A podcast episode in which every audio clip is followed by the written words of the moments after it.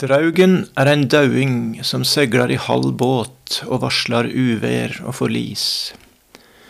Eller han prøver å dra deg ut i sjøen når du er i fjæra ved naustet ditt. Skal du skremme han bort, så bruk mannskit. Hvordan har det oppstått, forestillingene om draugen? Kan det være fysiske og sosiale fenomen på sjøen som ligger bak?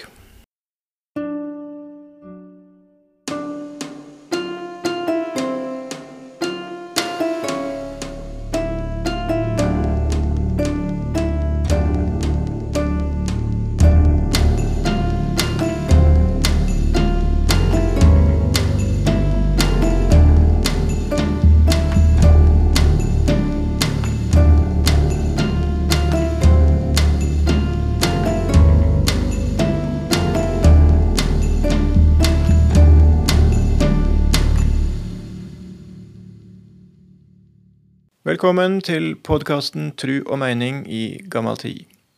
Eldar Heide heter jeg, og gjest i dag er Mariann Mathisen. Velkommen, Hei. Mariann. Takk. Hyggelig å få komme. Ja. Du er med på telefonen fra Tromsø. Ja. Du, du bor der, ja. Eh, Skikken her i podkasten er at jeg overlater til gjesten å presentere seg sjøl, så ja, kan du si litt om Ja, jeg, jeg er vel først og fremst eh, jeg er historiker, og så er jeg tidligere lærer i friluftsliv og har seilt eh, tradisjonsbåt og med elever og privat på fritida. Eh, og så har jeg vært veldig interessert i båter, da både faglig og på fritida. Ja. Så har jeg skrevet en, eh, en hovedfagsoppgave i 2003 om eh, nordlandsbåt mellom praksis og symbol. Og så har jeg en bok eh, som heter 'Nordlandsbåt og draug', en faghistorisk bok for ungdom, som kom i 2018. Ja. Nettopp. Nordlandsbåt og draug. Og det er jo um, mye det det skal handle om her. For når du sier tradisjonsbåt, så er det, det er nordlandsbåt først og fremst det dreier seg om. Ja. Ja, Det er one and only. ja nettopp. nettopp, ja. Og da nordlandsbåt eh, Nå har vi jo um, lyttere i, i, utafor Norge, og, men nordlandsbåt um, ja, den, den nordnorske tradisjonsbåttypen kan vi vel enkelt si. Ja. Altså ikke bare fylket Nordland, men hele, hele Nord-Norge. Hele Nord-Norge. Fra Folla i Trøndelag og til og med Varanger. Og det er den båten som har lengst geografisk utstrekning ut av tradisjonsbåtene. Ja. ja, for det var jo ei kåring av nasjonalbåt, altså den tradisjonsbåttypen som skulle være nasjonalbåt for ikke så mange år siden. og Da, et av argumentene for nordlandsbåten var vel at den um, dekker eller ble brukt i større deler av kysten enn alle de andre båttypene til sammen. Er det ikke Ja, jo, det stemmer det. det er lett å glemme hvor, hvor lang eh, nordnorske kysten er. Inntil du eh, ligger i motvind og venter på bør. Prøver å søgle den strekninga, ja. Ja. ja. Yes. Men um, ja, tradisjonsbåt, nordlandsbåt, hva um, Kan du prøve å beskrive den? Hvordan ser den ut? Hva, hva type båt er det vi snakker om? Det er en trebåt eh, som er bygd eh, altså det, det er litt sånn flåsete å se at det er en slekt med vikingskipene, for det, det er jo 1000 år nesten imellom. Men, eh, men den har eh, en klinkbyggingsteknikk som nå er på Unescos verdensarvliste. Ja, Eh, nordisk klinkbåttradisjon, som er den Ja. hører til? Ja. Og så eh, er den jo eh, eh, nøye utvalgt skog fra eller tre fra skogen for å få de rette formen, og det er veldig, veldig sånn lettbygd båt. Altså, noen kaller den jo for en, en liten racerbåt. Eh, og, og det høres jo litt rart ut med en båt som er fra 1800-tallet, hovedsakelig. Mm. Mm. ja. Bygd både av gran og furu, avhengig av hva som var eh, som vokste i, i det distriktet der de, de bygde den. Ja, og så framdrifta var åra og segl. Mm. Ja, råsegl. Det er sånt uh, så, så det med en vikingskip, altså en italiensk turist vil jo tro at det er et vikingskip, for det er såpass Ja. direkte uh, avstamming og såpass små endringer som har skjedd siden på de tusen åra. Ja. Stemmer det. Og det er for så vidt alle båter langs vest- og nord nordfjelske kysten. Så vil man si at den er i slekt med vikingskipene. Ja. ja. Så lettbygd er jo veldig sånn um, I kontrast til båtene i Skagerrak, det går det vel ei grense sånn omtrent ved Lindesnes, og så søre odden på, på Norge. At det, det, blir mye tyngre båter som mye er basert på seiling. Um, med en da på, den, ja, på, vestkysten vår så har en hatt da, mye lettere båter som det gikk an å ro, ro ja. mer. Og det, og det, har jo både med fremdrift, altså at det er lettere å ro, fordi at de måtte ro lange strekk når det var vindstille. Og så har det også med at de må settes på land ved at det har vært dårlige havneforhold ja. mange plasser. Ja. Mange steder, ja. Lofoten, yttersida Lofoten, og sesongfiske der. Og finnmarksfiske, ikke minst, som var viktig sesongfiske senere på på, eh, når Lofotfisket var, var, var, over. Ja. ja. Så ja, veldig lett. Og det er jo, jeg mener jo at eller mener det er statistisk faktum, men at det er, det er, mer variabel vind her på vestkysten enn det er i Skagerrak. At det er mer Enten er det solgangspris, eller så er det lågtrykk som det er vind i. Så at det er færre dager du ikke har vind å søgle i da i, i Skagerrak. Ja.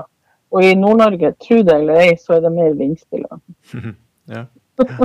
ja, ja, ja. Hvor fort har du seila i nordlandsbåt, Mariann?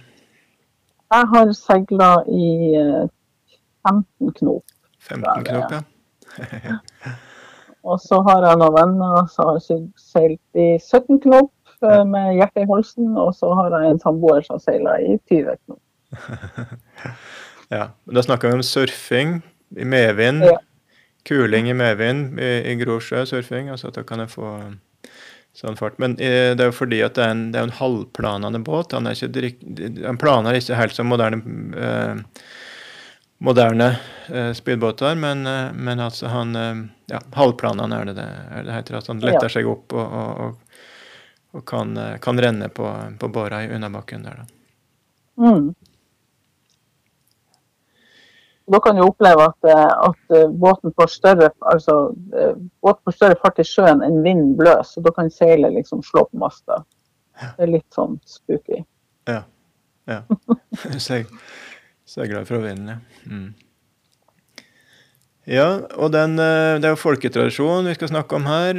Tru og mening i gammel tid er jo podkasten, og da er det da en en tradisjon, en segntradisjon kan kanskje sies, som henger nært i hop med Nordlandsbåten. Altså, det er Draugen, som vi finner da fra, fra Møre og så, oppover eh, Trøndelagskysten og, og, i Nord-Norge, men som er kanskje rikest utvikla eh, nordpå. Ja. Så um, ja. Men henger nært sammen med, med, med Nordlandsbåten båten, eller tradisjonsbåten, og den levemåten en hadde. Vil du utfylle meg der, Mariann?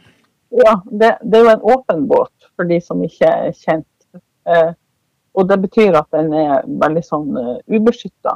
Eh, og, og, og, den er veldig sånn avhengig av det mannskapet som er der, og det, det er krevende å seile. Altså, det, det, er ikke det samme som et surfbrett, men det er, det er et sånn kontinuerlig arbeid når du seiler. Mm. Eh, og det hele, hele kystbefolkninga, eh, hvert et kystsamfunn, var opptatt av at de sønnene som skulle bli de nye, det nye mannskapet, eller høvedsmann Høvedsmannen, eh, skipperen. Ja. Skipperen, ja. Og da alle var opptatt av alle, at alle skulle lære mest mulig, sånn at de skulle klare seg. Mm. For det døde jo mange på havet. Ja. Så det var en veldig sånn krevende ja. ja nei, nettopp døde mange.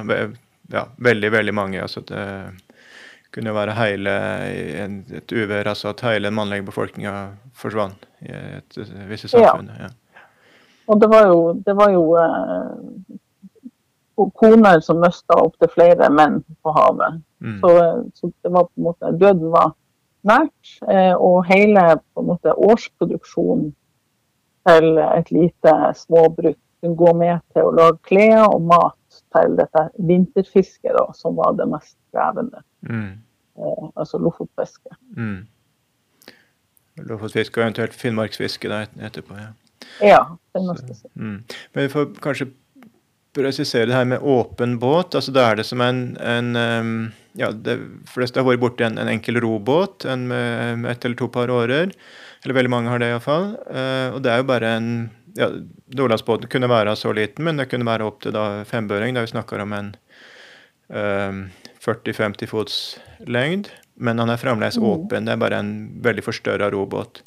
Sånn at uh, en, en brottsjø vil kunne havne midt oppi og, og fylle, fylle, båten. Så, ja. ja. sånn at seilinga blir da Det å koldsegle eller få båten full av sjø er en reell fare.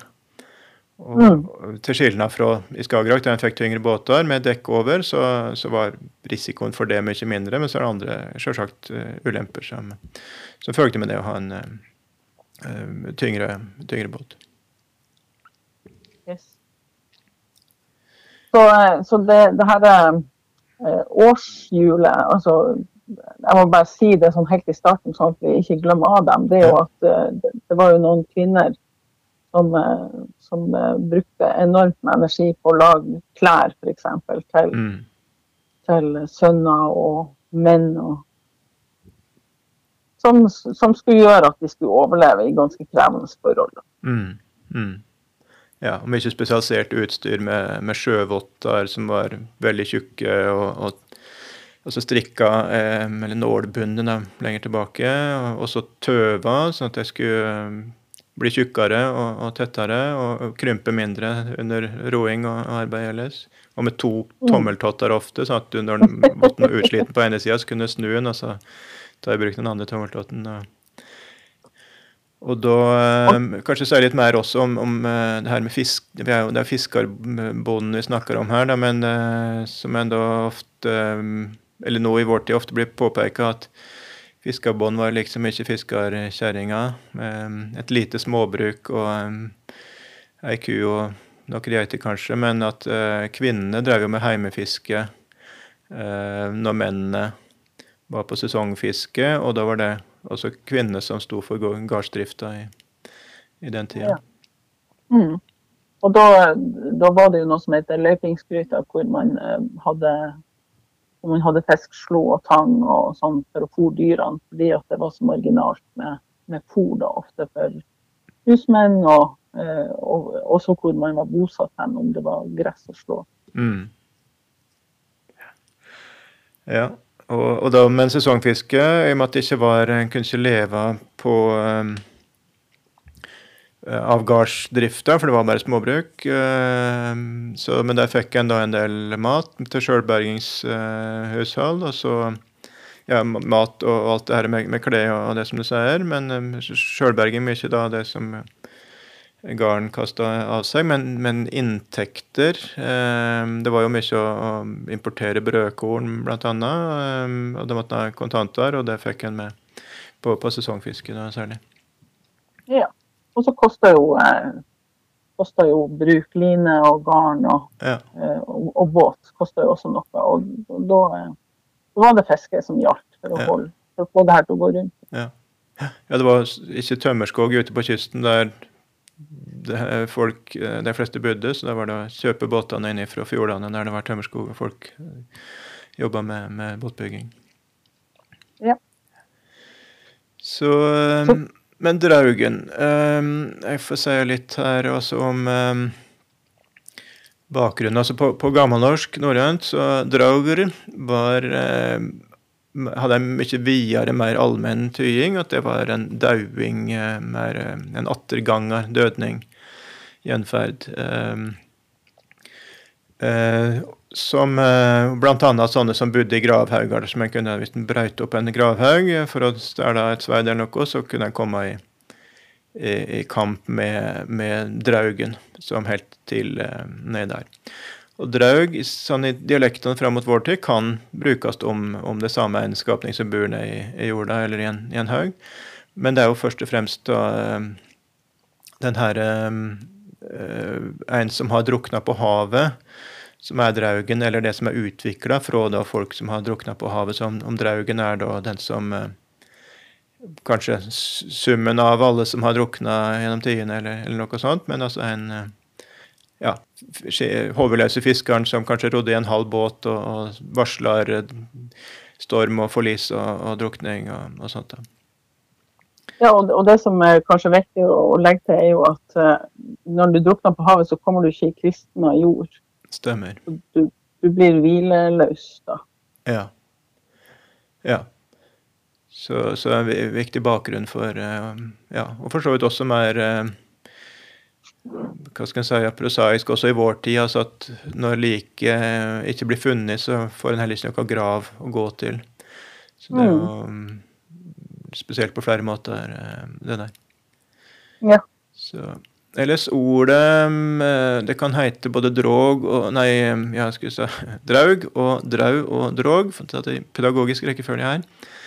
Eh, drog drogen eh, mye nordpå, og finnes det også i færøysk tradisjon, om det er eh, show dreil, altså sjødraugel, svarer det til formelt på norsk. Det er ikke noe ord som finnes på norsk, men, men ja, det, det vil jeg svare til det. Uh, og det er visst mye det samme som den uh, trønske, nordnorske, uh, nordafjelske draugtradisjonen vi har, men, men, den norske tradisjonen er visst rikere, altså rikere utvikla, gjør mer av seg, flere segner, mer sentrale i, i ja, i, i hele folketradisjonen. Ellers er det jo mm. lånt også dette ordet da, eh, til både samisk og finsk. Så rauka, rauka noe sånt, på nordsamisk. Eh, som er vel ganske mye dess um, lik den norske drauget. Men du hadde noe mer der, skjønte jeg, Mariann? Ja, det, det, det heter, i hvert fall fra Tysfjord, så heter det at draugen kunne gå opp elva. Eh, og du, kunne også treffe han i, i elven. Uh, og så er det i norsk tradisjon så er det hovedsakelig menn, som, menn og gutter som treffer han. Ja. Mens i samisk tradisjon kan også damer treffe på. Ja, akkurat. Ja. Så Tysfjord, sjøsamisk uh, miljø i, i Tysfjorden i, i, Nordland, ja. ja. Uh, nei, for den norske draugen er vel bare knyttet salt, uh, Saltsjøhavet og opp til flomålet. altså Flomålet er jo så langt opp som, tang, som Tangen blir liggende etter, etter ja, stormflo, eller den største floa. Når mm. havet står, står, høyest. At opp dit er det han kan drive Eller mer unntaksvis at den er overfor det, kanskje? Ja, jeg tror det er egentlig en grense. Eh, men han, han eh, huserer jo eh, allerede i fjæra, og da, i, i Nord-Norge, eller i hvert fall store deler av Nord-Norge, så er det ganske stor forskjell på flo og fjære. Så den fjæra er jo et område, et lite sånn ingenmannsland. Ja, godt sagt.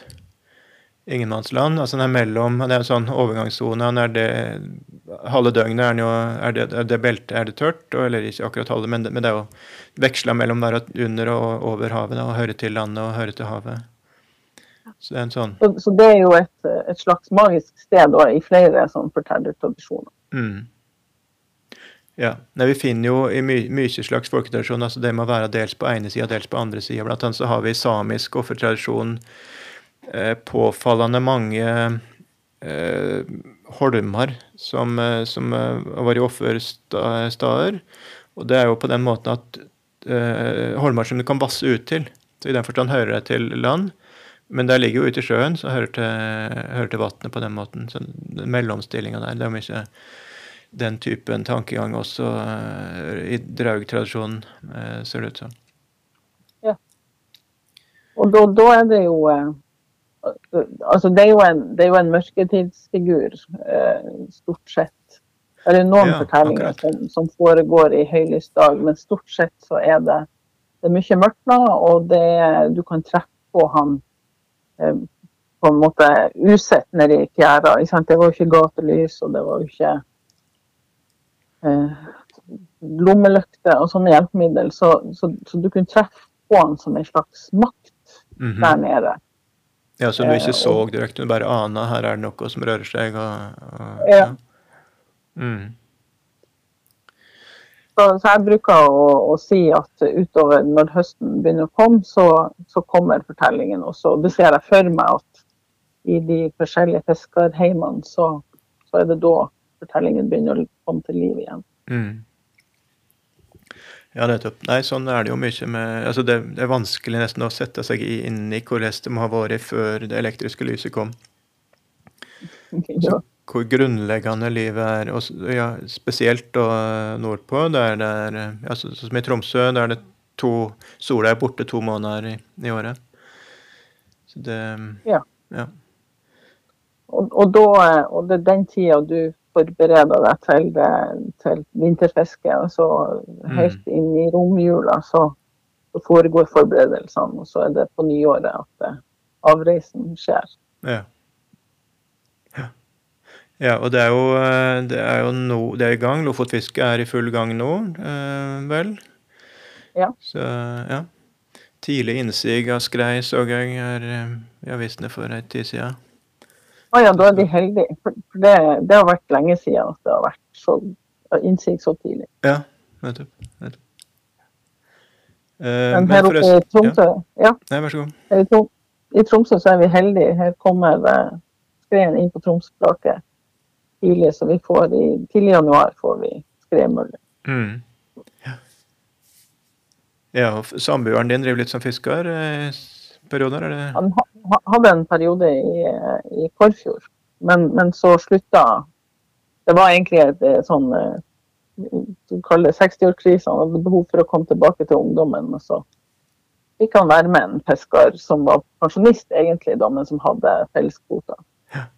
Ja. Så var han ute. og Sto opp klokka fire. Og en times utror, så da var de ute på feltet i 60-tida. Ja. ja.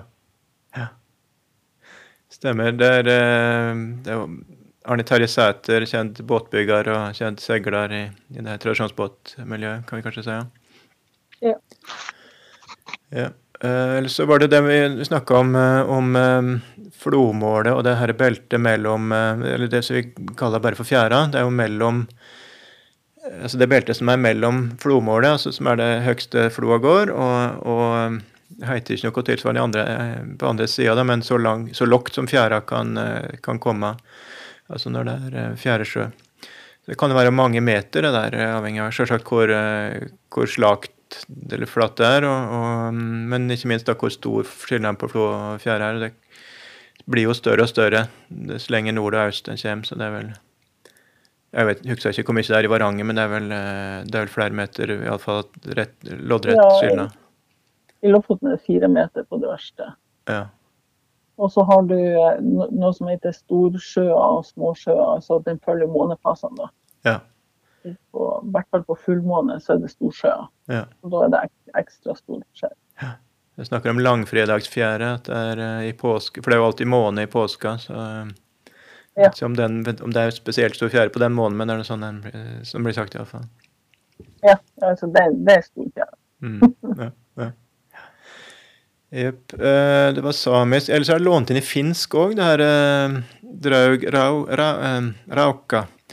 Blir det på finsk. Om det er Jeg har sett litt ulikt. Det som står i den etymologiske ordboka jeg sjekka først, så er det da mer sånn dauing atterganger og sånt. Men jeg ser i den her moderne, svære eh, finsk-svenske ordboka som jeg har, så står det da en stakk Rauka det er to ting. Det er en stakkar, altså en person som det, som det er synd på. Eller så er det da står det ynkrygg, kujon eller fegis.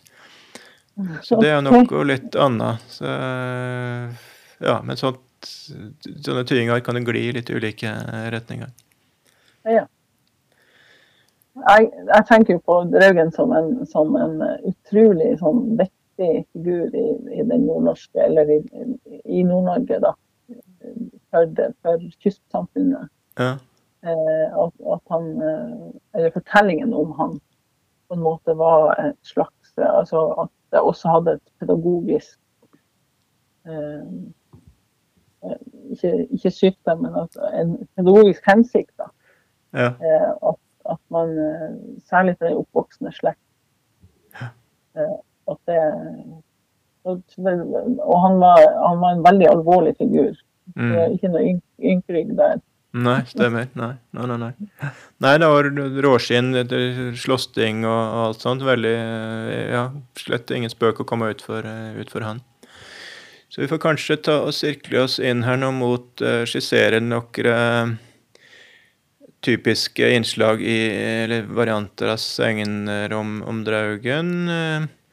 Vi nevnte altså en kan seile i en halv båt. Altså at Hvis du er ute på felt og fisker og Draugen seiler framom, så kan det varsle forlis og uvær og drukning og sånt. Um, Draugen kan, komme om bord i båten. Uh, den som, sit, som seinere sitter der som Draugen slår seg ned i båten, uh, vil da drukne uh, seinere. Ellers er det vanlig hvis den er på land og høyre, kan høre Draugen rope ute fra havet. Da varsler det uvær og forlis. Og gjerne da at så mange ganger som Draugen skriker, så mange mennesker skal, skal drukne. Man kan vel òg drømme om draugen, altså varsel på samme måte da. Ofte kledd etter eldre skikk, altså i skinnhyre, før en hadde oljehyre, som er sånn eh, altså bomulls, kraftig bomullsty med Nå er det jo med plastdekke, men med lenger på altså 1800-tallet så ville det være smurt med, med olje. Linolje, sikkert. Kokt linolje. Så, men det at en kledd etter gammel skikk, det er vel altså det en som har drukna før i tida, eller alle de som har drukna uh, før i tida. Kan være mm. hodeløs eller ha en tankvase til hodet, og kan da være vanskelig å se når jeg sitter blant steiner i fjæra. Så, um, så det er mange da som uh, kommer i skade for å banke vottene sine, prøver, altså banke vottene tørre da, mot en, tror det er en stein, og så er det draugen.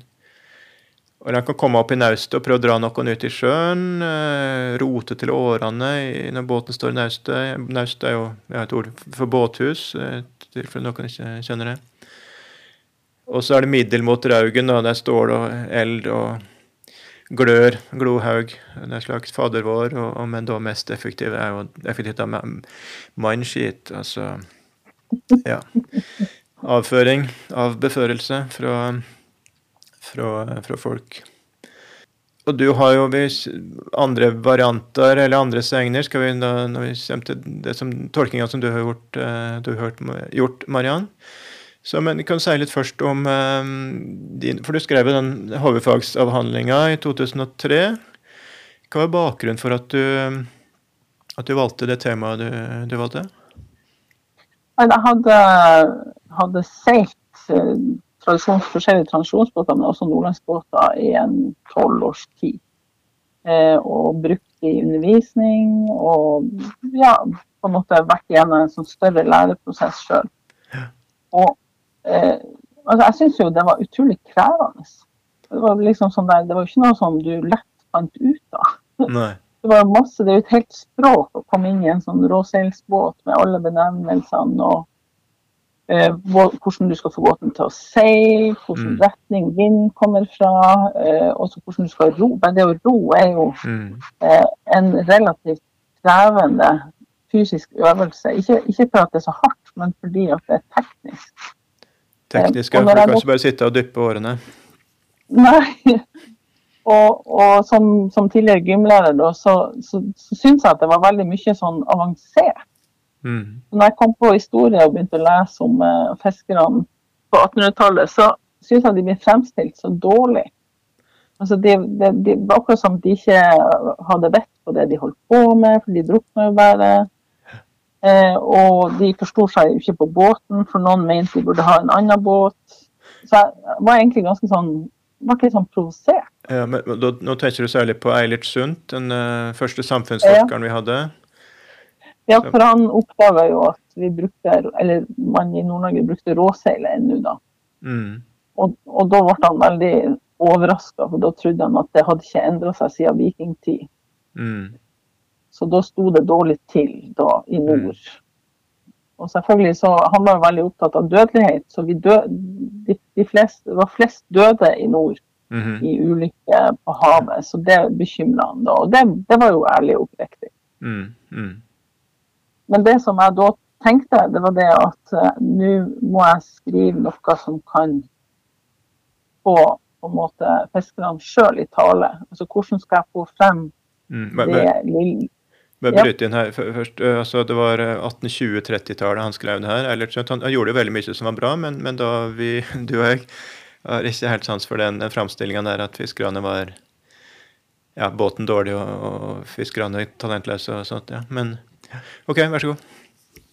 Nei, og da, da prøvde jeg på altså det, det, er jo, det, er jo, skrevet veldig lite fra fiskerhavn. Eh, men de hadde jo disse fortellingene mm. eh, som på en måte tenkte jeg kan, kan jeg finne noe der som kan si noe om hvordan de forsto båten og havet, og, mm. og hvordan kan jeg sammenstille båten i praksis med disse fortellingene. Det var det som var en del av, av tanken. da. Mm. For å vise frem det kunnskapsdybda som, som de må ha hatt. Ja. En del av det jeg utforska, var jo at eh, altså hvilken strategi brukte fiskerne for å overleve havet. Og, og det som vi har i Nord-Norge som ikke er så mye sørpå, selv om Ingunn og alle disse stormene og orkanene dukker opp, så har vi noe som heter polare lavtrykk. Ja. Og det betyr at været kommer ekstremt fort og er vanskelig å forutsi. Ja. Eh, og, og, dermed så vil du på et tidspunkt alltid komme ut i dårlig vær plutselig mm. og uforutsett. Mm. Og Det er jo også en av grunnene til at man blir så opptatt av tolk-værtegn. Det er fordi at det, det, er såpass farlig, det været. da. Mm. Mm. Men det, det, som er både, både Åfjordsbåten for så vidt og, og Nordlandsbåten er Trøndelagsbåten-typen, ja. Ja. Hovedstrategien er at båten kan stå unna været. altså Råseil og skroget er spesialtilpassa for en veldig sånn, fin balanse. Mm. Og da, da, kan den gå veldig fort, og da kan den på en måte seile unna den store sjøen. Det er liksom en viktig del. Ja, for det råseilet er jo symmetrisk. Så Hvis du har vinden i ryggen, så er bolten i balanse. Men derimot nyere ryggtyper, så er det jo trekantsegl. Og da eh, bør de ligge på ene sida. At du så det, du har vinden beint i ryggen på, på nyere riggtyper, det, det, er ikke noe trivelig. Det, nei, det er ikke så trivelig. Og da trenger du et større ror. For at da er det en ubalanse i båten. Mens ja, eh, som du må korrigere hele tida. Ja, i Nordlandsbåten så er det et veldig smalt ror som du skal bare holde på en måte retninga. Og den er langkjøla, så den er også sånn retningsstabil. Mm. Ja, og det her med, med halvplanende skrog og sånt, at den uh, letter seg opp. Og, og eh, når, når, du da står unna under sånne, sånne forhold, så, så, er det det som skjer. Eller så er det jo også det vi snakker om, det med lett, veldig lettbygde båter. Og det har jo å gjøre med altså, ja, perioder mindre vind, og, og, samtidig som at en skulle ut på et, eh, etter fisk, og det kunne være ganske langt ut. sånn at det var om å gjøre å Og den hadde jo ikke motor. Det er jo hele, helt grunnleggende poenget her. så at uh, Det skulle skje med muskelkraft og, og samarbeid med, med vind og, og, bølger. Så da å ha lettbygde båter var da og, Jf. det at en, uh, veldig mange av fiskeværene ligger jo helt ute i på sånne fra vår tid veldig underlige steder, for det er så dårlige havneforhold. Men poenget var å ha kort utror kort vei ut på, uh, ut på fiskeplassene, fiskebankene. Og det er jo samme ja, sa, samme, annen side av samme sak eh, som vi snakker om her. Mm. Ja, men hva så du da i, i um, Da var det draugtradisjonen som uh, du skulle grave dypere i for å vise at Eilert Sundt tok feil? Ja. Eh, jeg forlest, forleste meg jo på draugfortellinger, så det ble jo sånn at man blir litt bekymret for å gå i fjæra etter, etter en 60-80 forskjellige fortellinger. Så det er en veldig sånn mangetydig eh, tradisjon. Men, men eh, når jeg klarte å på en måte eh, og En av grunnene tror jeg er fordi at det, det var såpass nært at jeg hadde lært å seile sjøl, så jeg kjente meg igjen i skårungeprosessen. Ja, skårunge for skjøtten. skårunge, altså førstereisgutten på, på fiske. Skårung betyr jo ellers da en, en måse, en årsgammel måse som har den ja. her spett, brunspettete fjørdrakta før han får den uh, fjørdrakta som de voksne har. Og som er veldig klottete. Ja. Mm. Så skårungen på fiske, ja. Ja. Og, og da eh, det, det som skjer da i kystsamfunnet, det er jo at eh, når guttene var en sånn 14 år, så, så begynte det å bli tid for at vi skulle være med på det første Lofotfisket. Og det var jo en reise til å bli voksen mann. Mm. Eh, og da kunne man begynne som kokklund eh, og bare være på land og lage mat. Eh, eller så, etter det så kunne man bli halvkar. Så man også bli trepartskar. eh, og så kunne man bli fullkar. Ja, og det halvkar, det dreier seg om lotten, som en, altså den delen av utbyttet som en fikk utbetalt? Kanskje? Ja, og stat, statusen som mann. Mm, mm. Veldig sånn sterk eh, og veldig sånn, så På en måte så kan man si at, at eh, de kom inn i en slags skole, da. Mm. Eh, og det som jeg så da etter hvert, var at disse fortellingene kunne eh, på en måte rangeres etter hvor mye erfaring du hadde. Altså hva, hva var interessant i fortellinga for en voksen mann, eller hva var det retta mot den unge gutten. Mm. Og, og, og der eh, det, det på en måte åpna universet da for meg. Men jeg klarte å organisere det sånn. Og da starta det jo med at altså skårungen treffer jo Drøgen første gang i fjæra. Eh, på en eller annen måte. Mm. Eh, og da eh, En av hovedklassikerne er jo at eh, gutten er med på fiske, og så, så går de i tjæra for å vaske fisksloget på, på, på vottene. Og så skal de slå, slå vottene mot en stein for å slå av vannet.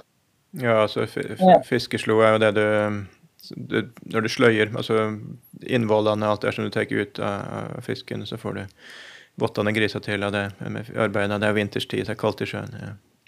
Ja. ja. Så bank, eh, banke av vottene, banke det tørre mot en stein? Ja.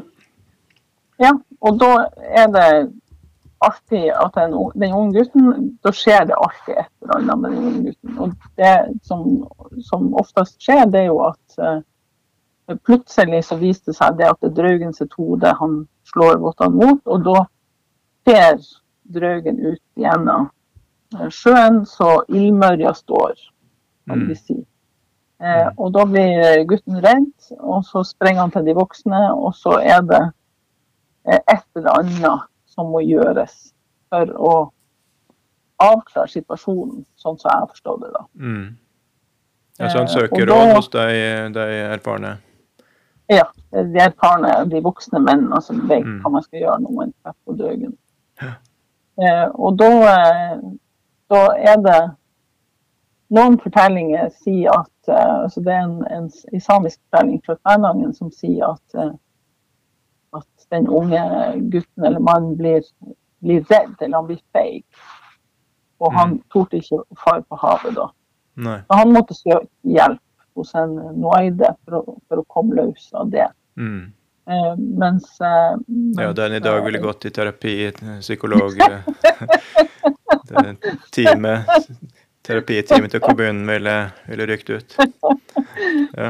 Mens eh, fra Ytre Senja så er det en sånn nydelig historie, syns jeg. For da, da tar eh, altså Det er jo et, eh, et fiskerlag, altså en seks mann antagelig på en fembøring. Mm.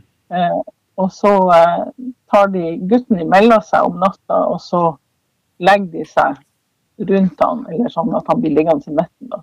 Ja. Og når Draugen kommer inn døra med kloa si, så holder de han fast. Og, og det klarer de så Draugen mot fer uf, med uforretta sak. Mm. Altså at det, blir, det er akkurat som det er en kamp mellom eh, de voksne, erfarne mennene og så den Draugen om den unge gutten. Mm. Eh, så kan man jo selvfølgelig filosofere om det, om det sinnet de kjemper om, eller om det at han skal dø på havet. Ja, om det kjemper om sinnet til gutten, altså Ja, at han, at han skal bli redd, eller ja, s- dragkamp om, om psyken, mote og sånt, ja. Ja. Mm. For, for dette er en litt sånn nyere fortelling, så, så eh, lot eh, de her eh, fiskerlaget de lot gutten ligge igjen på bua, og så måtte han klare det sjøl. Det tror jeg er den, mer den moderne løsningen. Mm. Ellers er det jo veldig vakkert altså at eh, du, fersking her, men vi, når vi står sammen, hele mannskapet her, så er vi sterkere enn enn vondmakta, eller hva skal jeg si, ja. Vi, vi, vi svikter deg ikke. Her stiller vi opp for, Ja. for, for hverandre. Ja, det er helt nydelig, men, men det er jo også sånn det, den mannskapsoppbygginga er i, eh, i de åpne råseilsbåtene, at alle betyr noe Mm. på hver plass, og, og det er det samspillet mellom grupper som på en måte berger båten. Mm. Mm. Jeg kommer i tanker om altså i krig, hvor det, eh, sånn som eh, hærene til de landene som vi liker. eh, Som vi liker. Da er det jo veldig, veldig viktig det å, å hente, hente ut de, de såra.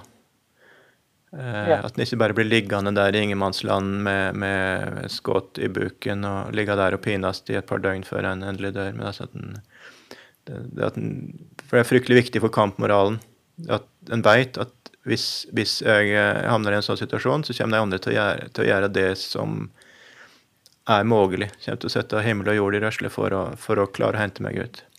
Og det Mm. styrker jo veldig eh, moralen, og, og også motet til å eh, ikke syke ut Eller til, ja, til å nettopp holde motet oppe, altså helt bokstavelig, og, og, og ikke bli redd. Eh, blir du redd, så, så er, det, er det jo Så blir det vanskeligere. Absolutt. Og det tror jeg, altså, det tror jeg var altså, Veldig ofte så blir jo angsten plassert hos, eh, hos mødre eller koner, eller altså at de må bære angsten for at, de, at menn og gutter skal omkomme på sjøen. Mm. Men, men det er klart at de unge guttene var jo veldig ubeskytta i sitt første møte Mm. Med, med Vinterhavet. Og, og da er det jo også fortellinger som sier at de, de måtte bettes til tofta for at de ikke skulle hoppe på havet i panikk. Eller, Ja. det, det klart det, det var drøye tak. Tofte, altså benken tvers over som en sitter på når en ror i båten. Mm. Mm. Ja. Så det, altså det var på en måte det der møtet med Drøgen i fjæra og slå eh, båtene mot stein, det var på en måte den, det første. Altså da, da satt jeg og undra meg, for det, det som var mitt, min inngang da, det var det at jeg tenker at de kunne så masse, disse fiskerne. Mm. Så, så de, eh, de, de visste hva slags symboler de fortalte med. Altså de, de kunne på en måte bruke fortellereffektene. Mm. Så, så jeg, jeg mente at de hadde en hensikt. da. Mm. Og da, da, gikk jeg, da gikk jeg i fjæra for å se ja, men hva, hva, er det, hva er det de mener. Altså, hvordan er det de bruker disse fortellergrepene. Mm. Eh, og da Jeg satt nå der i fjæra. Yeah. Men, men da gikk det opp for meg plutselig at det er jo ikke Stort sett så er det jo ikke stein som rører på seg. Og hvis stein rører på seg, så er det fordi at det kommer en stor bølge som er større enn de andre. Bare før du, for da er vi over på enda større tema her, men, men i den der, eh, han som slår vottene, skårungen slår vottene mot, mot en stein, så er det Draugen. Da er det jo en litt mindre en, sånn, eh, oppløftende varianter der, at den eh, ikke ligger mellom resten av mannskapet om natta, men må ligge alene. Var ikke det òg? Jo. jo. Eh, og da, da ha- fortalte altså Da er det liksom de andre eh, mannene i, i eh, fiskerlaget de fortalte til førstereisgutten om en annen førstereisgutt som hadde ligget i akkurat den senga som han lå i. Mm. Og han ble henta ut av Draugen Mhm. Om natta. Mm. Eh, og, men han falt heldigvis ut av, av teppet, sånn at han kom seg, han kom seg unna. Mm. Men, men eh, Og da var de jo helt nådeløse. Så lot de han bare være igjen på bua. Og så, eh, så var det jo han eh, Butikkeieren han kom jo og tilbød han om at han, han kunne få lov å ligge borte hos dem. Men han skjønte at han måtte tåle å ligge alene. Men han torde ikke å ligge i den samme senga. da. Ja, for da er vi i fiskeværet, rorbua, der det er Ja. mannskapet overnatter. Men da, i den situasjonen her, så flytter mannskapet ut og lar skårungen ligge der alene.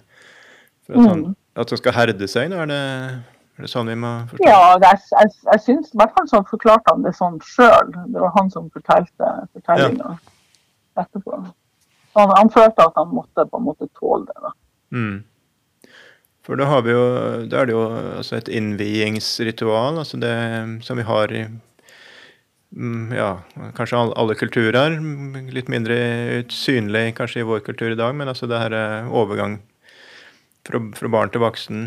Du må gjennom eh, ja, ulike slag prøver. og Det, det er vel naturlig å oppfatte det som noe sånt? Ja, absolutt. Eh, for skårungefasen blir ansett som en overgangsfase. Mm. Eh, som han, da den enkelte skårungen skal vise seg verdig Mm. til Og på en måte Han får jo det her eh, sjøhyret som han egentlig ikke passer, for det er jo til en voksen mann. Så skal han på en Mm. måte gjøre seg verdig Mm. den innsatsen. Og, og, og også at han skal få være verdig å være om bord og få full lott. Ja. Der, der tenker jeg at de ikke, de ikke var nådige. Skulle ikke kunne arbeide. Så. Nei, for du han får utdelt av sjøhyre, altså denne eh, habitten, klesdrakta med, med ja, skinnhyre, da, som var ganske vassthet, men er for liten i kroppen. Men, så han må fylle ut fysisk, men også, også da med mm, ja, mot og erfaring som en skal bygge opp, som en fyller ut symbolsk sett, da, eh, på, på samme Mm. måte. Det, det er det du mener? Ja, det er det. Mm. Mm. Hm. Ja, men du, eh, nettopp, du var eh, Du satte deg i fjæra og så på hva som skjedde der? Ja, og det som skjer, det er jo at det slår bølger inn til stranda eller steinene eller hva du sitter med, og så, og så er det en, en slags rytme, da. Og det er jo en sånn rytme som blir omtalt som hver tredje eller hver syvende eh, båre, så er større enn de andre. Mm. Og hvis du ikke følger med, Mm. eh, det, det, det sies at det ikke er statistisk riktig at det er hver tredje eller hver sjuende. Mm. Men der er et, en rytme som du kan se, og du må kunne se når det er noen som kaller for løye. Altså at det, at det er, en ro imellom bølgene. Og den skal du lære deg å se etter. Mm. Og det er kjempeviktig at du klarer å ha oppmerksomheten mot Mm. bølgetoget. da. Ja, Det var jo veldig viktig bl.a. der det var dårlige havner. og Dette var båter som jeg setter på land gjerne hver natt. Eh, og Ja. Når en skulle sette båtene ut, ut igjen, eller da komme seg på land eh, om ettermiddagen, så var det jo også da, nettopp det der å se på, se på, på bølgene, bårene. Det er Mm. faktisk ei vik, det er kanskje flere steder, men iallfall så er det på Nordkinnhalvøya, lengst nord i landet, så er det ei vik som heter Trebårvika.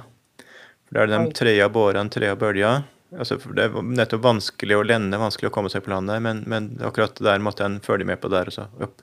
Nå kliner vi til, ror vi for fullt, og så kommer vi oss på land og, og holder båten fast eh, før dragsuget drar båten uh, ut.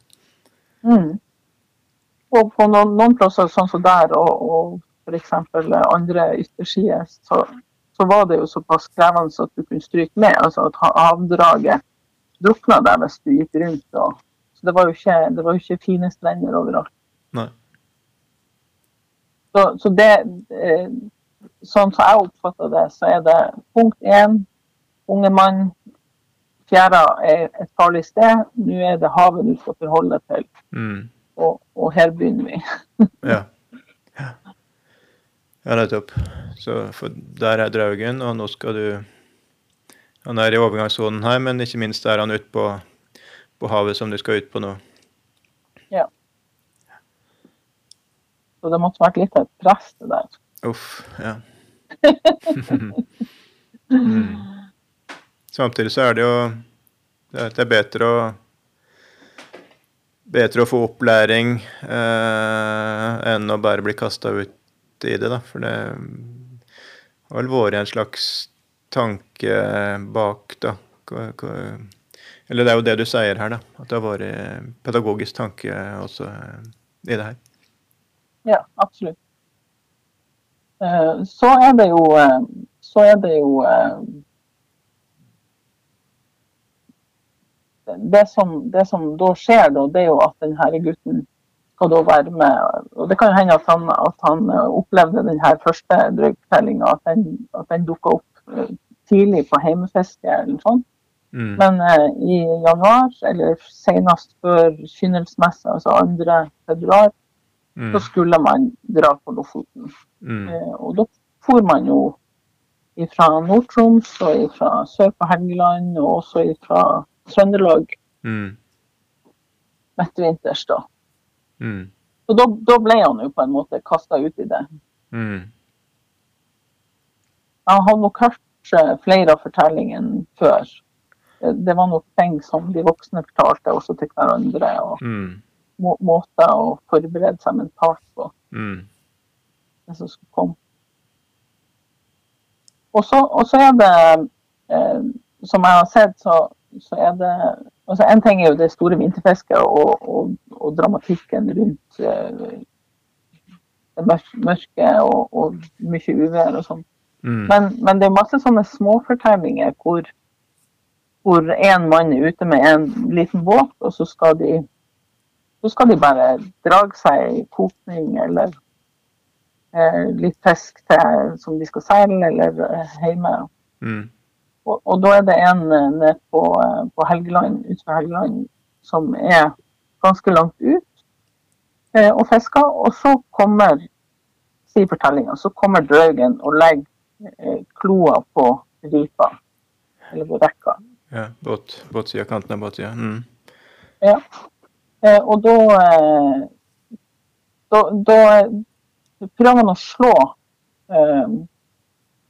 slå, på, slå unna draugen, da.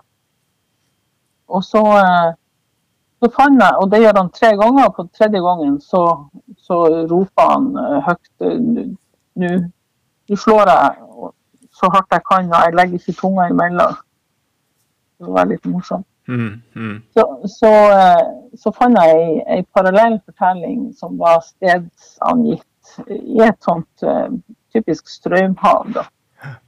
Hvor, uh, hvor, det de gjorde, altså det, båra kunne stikke seg opp og så på en måte hvile inn. Altså, enkelte bølger eller bårer kan være veldig sånn uryddig. Og så, og så bare røyser de seg rett opp, og så er de svart.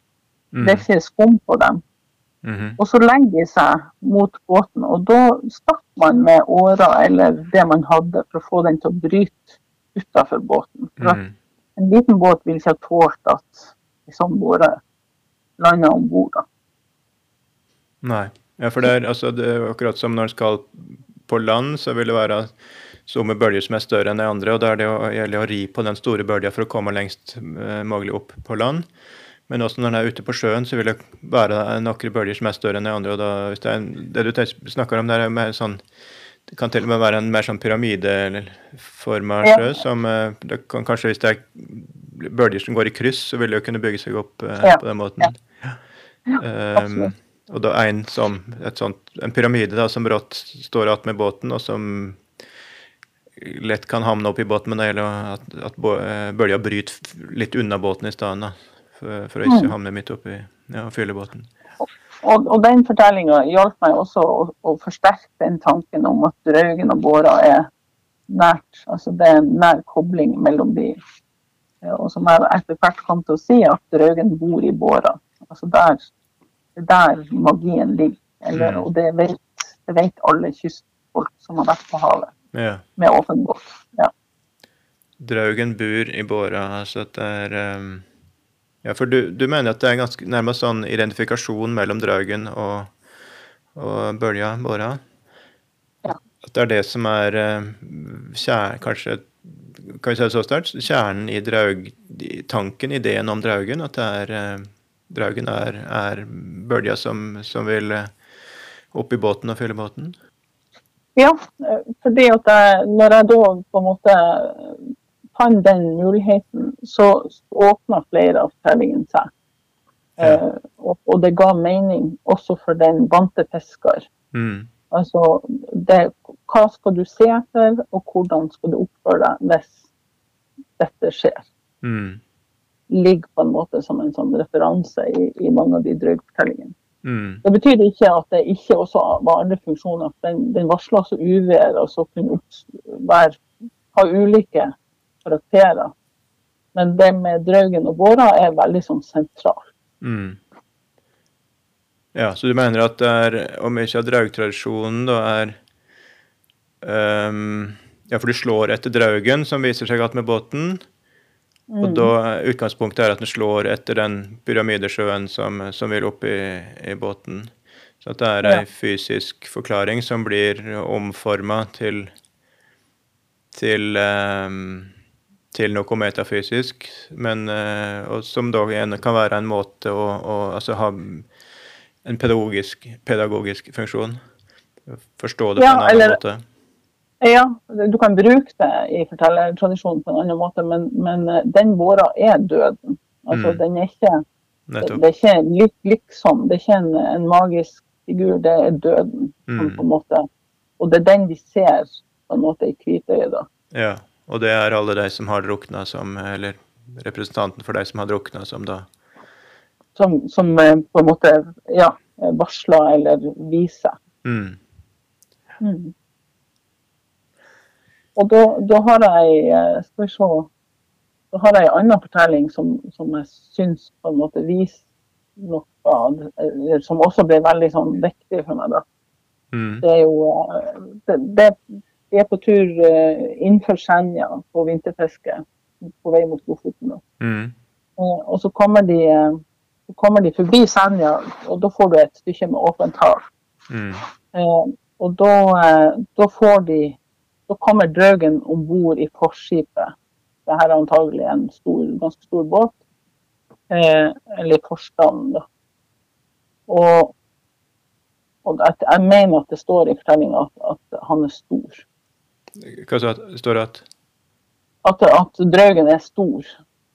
Eh, og, og det som jeg på en måte, Da satte jeg meg ned og så analyserte jeg, hvis du kommer seilende der, og hvis vinden kommer derfra, eh, da kan sjøen komme der, og det, det høres sannsynlig ut. Så kunne de ha fått en stor eh, brekker om bord i på skipet. Altså at Draugen var stor, fysisk stor, ikke liten, Ja, stor? fysisk. Ja. Ja, fysisk stor. Mm, mm. Eh, og så eh, En brekk, altså en brått brottsjø som fyller båten. Ja. Mm. Og, og da er det, ikke sant, da er jo døden om bord. Altså, Mm. hva, hva, hva gjør du da? Mm. Og i, i denne fortellinga så, så sa han at han leste faget vår, som han trodde han skulle gjøre, men det hjalp ikke. Mm. Eh, og så eh, prøvde han sikkert noe sånn svartebokting, det hjalp heller ikke. Eh, men da, eh, da tok han auskaret, og så dreit han i auskaret, og så heiv han inn på Draugen, og så for han. Ja. Så han eh, nettopp Draugen liker ikke skit, nei. Mann man skit. Han liker ikke mann. Mm. Mm. Ja, nei, det kan en jo forstå. Jeg liker ikke det så godt, jeg heller. Nei. Nei, men, men jeg, da var jeg på en måte kommet sånn inn i fortellingen, så tenkte jeg altså, de, de har jo altså, jeg, jeg tror jo Eller ofte så blir jo fortidens mennesker fremstilt som grå og fattigslige. Mm. Men de kunne jo ha både humor og eh, fortellerevne Mm. da òg. Mm. Mm. Så, så da jeg tenkte at den som fortalte, hadde på en måte var sjef over de fortellerredskapene de hadde. Så jeg tenkte at de på en måte fortalte muligens humoristisk eller med fynn og klem om en situasjon som var veldig vanskelig. Ja, for, det, for det, altså det, er, eh, det blir jo en bedre historie, og dermed, hvis, vi snakker om pedagogisk funksjon Ei dramatisk Ja. historie med, med en overnaturlig skapning er jo mer interessant å fortelle ja, enn en, mer sånn den tørre fysikken i det. Eh, og så, og så eh, Ja, muligens var det lettere å snakke om en situasjon som kunne vært dødelig. Mm. Eh, For det, hvis, det vet jo både du og jeg, at hvis de får veldig masse sjø i forstauen på en, en femøring, så, så er det jo kritisk. Mm. Eh, Så den sjøen må jo ut så fort som mulig. Mm. Eh, Og da, da Det som jeg brukte, da, det var jo min, min kunnskap om, eh, om idrettsprestasjoner. Og det er jo noe som ofte ikke vises på TV, og som ikke snakkes om heller. Men, men i innspurten på, et, eh, på en eh, maraton, Ja. så kan det jo skje at folk gjør seg i buksa. Mm. Ja, det var nettopp ei sak så jeg så ei overskrift i Nettavisen nå en av dagene faktisk om det der. Oi, OK. Ja. så, så jeg tenkte altså det, det som, eh, som mange sånne reelle fortellinger sier, at de måtte bryte ut austeren, altså sjøen, Den sjøen Eh, med- Mm. ja, med, med limstamper eh, og det de hadde for handa. Mm. Eh, og da, eh, da kan det hende at de måtte ta så hardt i at de mista kontrollen over kroppen. Og kanskje var de så redde at de, Mm. eh, at de ikke klarte å beherske alle kroppsfunksjoner. Mm. Eh, og det er veldig få fiskere som er interessert i å høre på det øret. Men, eh, men jeg, jeg, tenker nå at det, når det står om livet, så er det der småting. Ja, og det blir fryktelig Jeg har øst såpass mye at det blir, fryktelig, det blir fort fryktelig tungt. Og øse ja. hvis det er mye som skal ut på kort Og det er jo sånn hvis du er i uvær på havet, da, jo, så får du inn ny ny skvett, eh, nye, nye eh, kanskje, og hvis du skal drive på der ei stund, så det blir fort fryktelig hardt, ja. Og det er kanskje ja. fiskeryrket knallhardt, eh, men så fysisk tungt i den forstand er det vel ikke lenger. Det er mer det altså lite søvn og lange dager og stå opp til ukristelig tid og sånt. Ja, altså det, det, hva de si, de blir jo lange i armene. Jeg var med på på en snurvebåt ja. i, eh, i, på 90-tallet. Mm. Og da, eh, da, begynte jeg nesten å gråte når de fikk eh, de neste 10 000 kiloene. Mm. For du skal sløy. Men nå sløy de kanskje ikke på havet lenger heller. Ja, så, vet jeg ikke. Nei, men hvis de må sløy, så blir de lange i armene. Ja. Ta ut innmaten. Det er um det, det er en seig jobb, ja. ja, men, ja. men, nettopp så er sånn, um, sånn tolking at det med, med skitt uh, Auskaria det, det kunne være i andre sammenhenger òg, det, da. Uh, men det kan jo være overført i tilfelle fra den uh, fra den situasjonen med, med ausing, eller roing vil det òg kunne være. altså Ro imot eh, frålandsvind, kanskje. Vi må klare å komme oss i land, men vi har ja. frålandsstorm imot oss. Eh, kan også rote eller en eh, langt over det som en Henter opp krefter ja. langt over det som en trønder hadde. Ja. Så fordi det, det, de hadde på en måte å rutte med, var jo bare fysikken og, og den mentale krafta som de klarte å opparbeide. Mm. Ja. Ellers er det noe, ikke at det er noe motsetning til den tolkinga du nevner der, men, men, det er jo det med ja, Det sa du nå sjøl her i oppvarmingspraten, at, uh, at Draugen står for kaos. Kan du gjenta det du sa der? Ja, uh, det er eh, en antropolog som heter Marit Myhrvold som snakker om uh, kaosmakter, og at Draugen mm. er en av de verste kaosmaktene som, mm. som, man omtaler i mytologi. Mm. Og, men, men det som er det at eh, Og, og den er også urein. Så, så, det å bekjempe ureine med ureint mm. er, er en, en, brukt eh, et brukt middel da, i flere kulturer. Mm. Ja. Og, og mye sånn i, i folk, sånn trolldomsmedisin, likt mot likt. Altså ja. at det kan være en plante som har ei Det er noe som heter økseurt, som da kunne bruke mot øksehogg. Men det er helt Altså, plante som likner ei øks, eh, så skulle den da ja. kunne hjelpe mot noe som likner. Så det er likt mot likt er jo sentralt. Eh, men, men nettopp altså at ja, Draugen som uh, mens er kaos, eller men bare sier at den står i motsetning til sivilisasjonen ute på havet, ja, som jo er nettopp Det er jo ikke der du der du har huset ditt, og, og der du har uh, havna di og, og, familien din, men det er et framant element uh, som står i motsetning til den sivilisasjonen kulturen du kommer fra. Uh, så det at middelet mot den farlige makta der ute da er, skal nettopp være usivilisert. Ja. Det er den, den, typen logikk. Og der, er, der finnes jo en, en, god del sånne fortellinger, drøyfortellinger om i forbindelse med kirkegårder. Eh, og på Flakstad i, eh, i Lofoten, Vest-Lofoten ja. så ligger kirkegården ut mot uh, yttersida. Mm -hmm. I, I, sånn sand, strandsand. Ja. Eh, og der er det ei drøyfortelling om uh, en, en, som, en dreng som skulle ned på sjøhuset og hente noe. Og da satt det en hodeløs kar utfor så da ble han redd, og så sprang han eh, opp, og så, så ropte han eh, Det var rett ved kirkegården, så ropte han opp, opp alle. Ja. Husker ikke resten. Eh, og kjemp. Og dagen etter så hadde det vært kamp mellom landdrauger og sjødrauger. Så da lå det tarelegger og velta gravsteiner. Og, Ja. og det, det, det kristenmanns jord er jo på en måte ja, for de som, lå, de som lå i vigd jord, det, det var de kristne som da sto imot Ja. den her gudløse makta fra havet. Ja. Mm. Og det som er sånn eh, interessant, er jo at uh, havet graver jo ut kirkegården, så kisten kommer frem. Å ja. At havet, altså er- erosjon, med Ja. bølgene som grev, ja. Akkurat. Så, eh, så det, det er en, eh, en reell trussel. ja Yes. Vi er her nå? Ja, nei Um, Så har vi uh,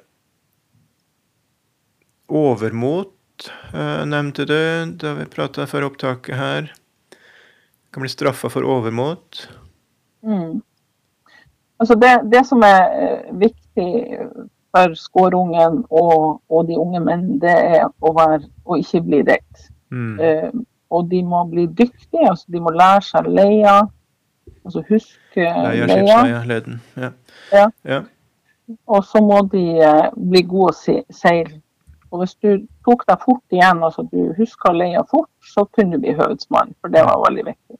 Ja, for kart så- den som hadde kartet i hodet, Ja. var viktig. Det var en nøkkelperson. Ja. Og så, eh, og så eh, eh, var det om å gjøre oss Altså det var veldig konkurranse eh, på, både på Lofothavet og, og til og fra. Så, så eh, konkurrerte man om å seile fortest. ja. Eh. Evig kappseiling. Det er jo de her bøkene av Gunnar Eljarn og Jon Godal. Det, er- Ja. det er derfor jeg snakker med de siste 90-åringene på 1980-tallet som hadde seila og sånt i, i yngre år. da, At det var eh, det verste var eh, på Lofotfiske. Det var den evige kapproinga og kappseilinga ute på Ja. feltet hver dag. Ja. Mm. Og, og da, eh, da er det en del fortellinger som sier at man måtte seile på ekte karavis. Altså at man måtte på en måte ha mest mulig seil oppe lengst mulig. og at Mm. Men man måtte ikke være overmotig. Altså, man måtte ikke være tøffere enn at man kunne på en måte ha, tåle det. da. Mm. Og da er det en fortelling om en en fra virkeligheten om en som uh, satte over Lopphavet. Og da hadde dampbåten hadde, Mm. ja, dampbåten hadde lagt seg bak uh, Loppakalven og venta på været.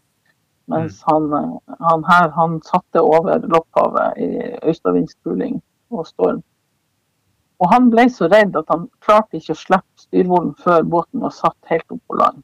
Ja, Styrvolen, altså styrestonga, den som du styrer med. Mm. Ja. Ja. Og, og da blir han latterliggjort, ikke sant. Ja.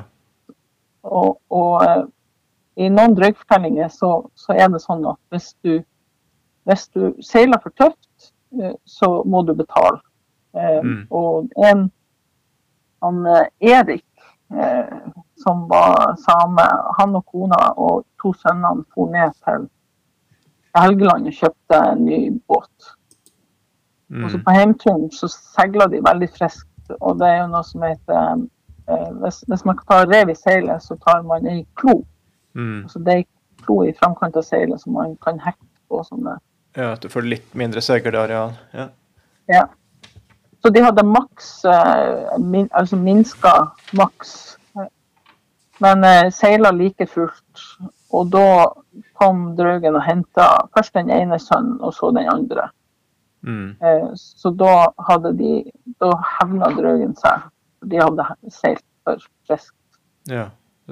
Han straffa for overmot. Ja. Ja, eller så nevnte du også det kunne være um, utfordring til høvesmannen hvis Draugen, Ja. Draugen kom om bord. Eh, der eh, det, det var noen som hadde jobba med det i Lofoten. Og det kan også hende at det er liksom utover eh, 1900-tallet. Det- Nordlandsbåten ble jo brukt eh, var et sånt oppsving på 1930-tallet. Mm. Det var dårlige økonomiske tider.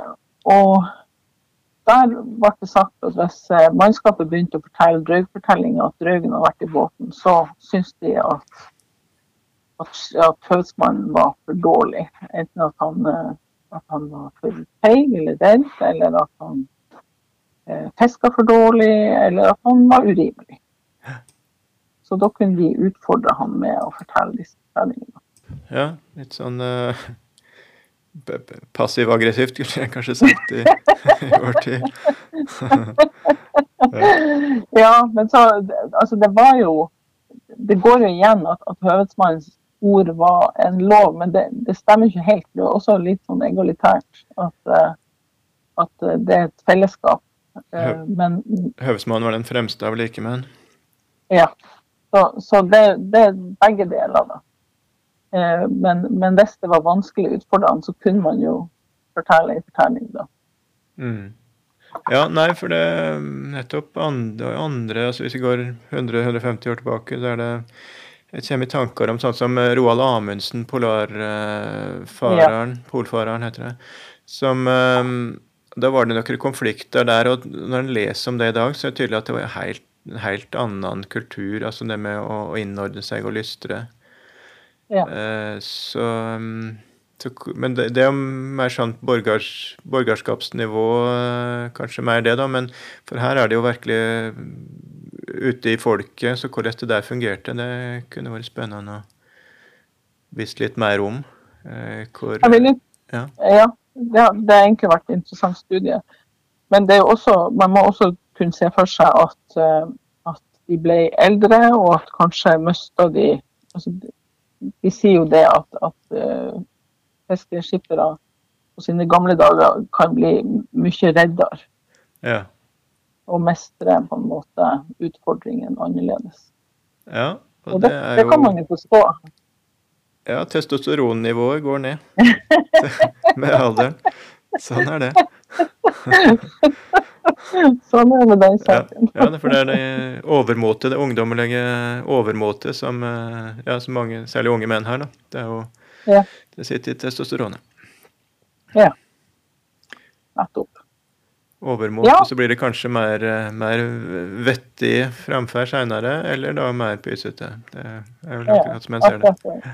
Ja. Men hva du syns eh, begynner vi å nærme oss på Draugen?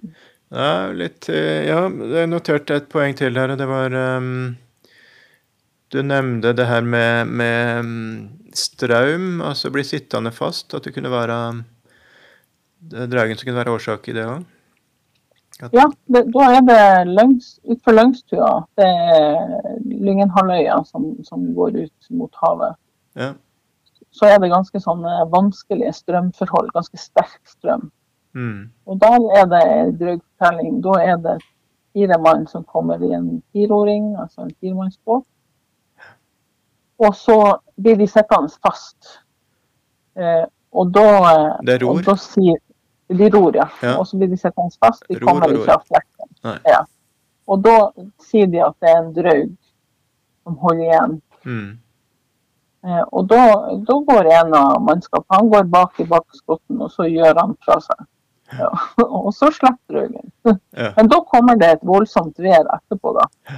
Det, det, kan hende at det var eh, strøm i forkant av været, f.eks. Mm. kommer det et voldsomt vær etterpå, og så må de eh, så står de inn langs, uh, Lennangsfjorden, og så seiler de på land, og så krasjer de båten. Jeg krasja altså med, Det er så sterk vind at det er bare for å berge, for komme seg på land, så må du bare seile rett på land. Ja. ja, så det var det var alvor. Mm. Mm. Ja.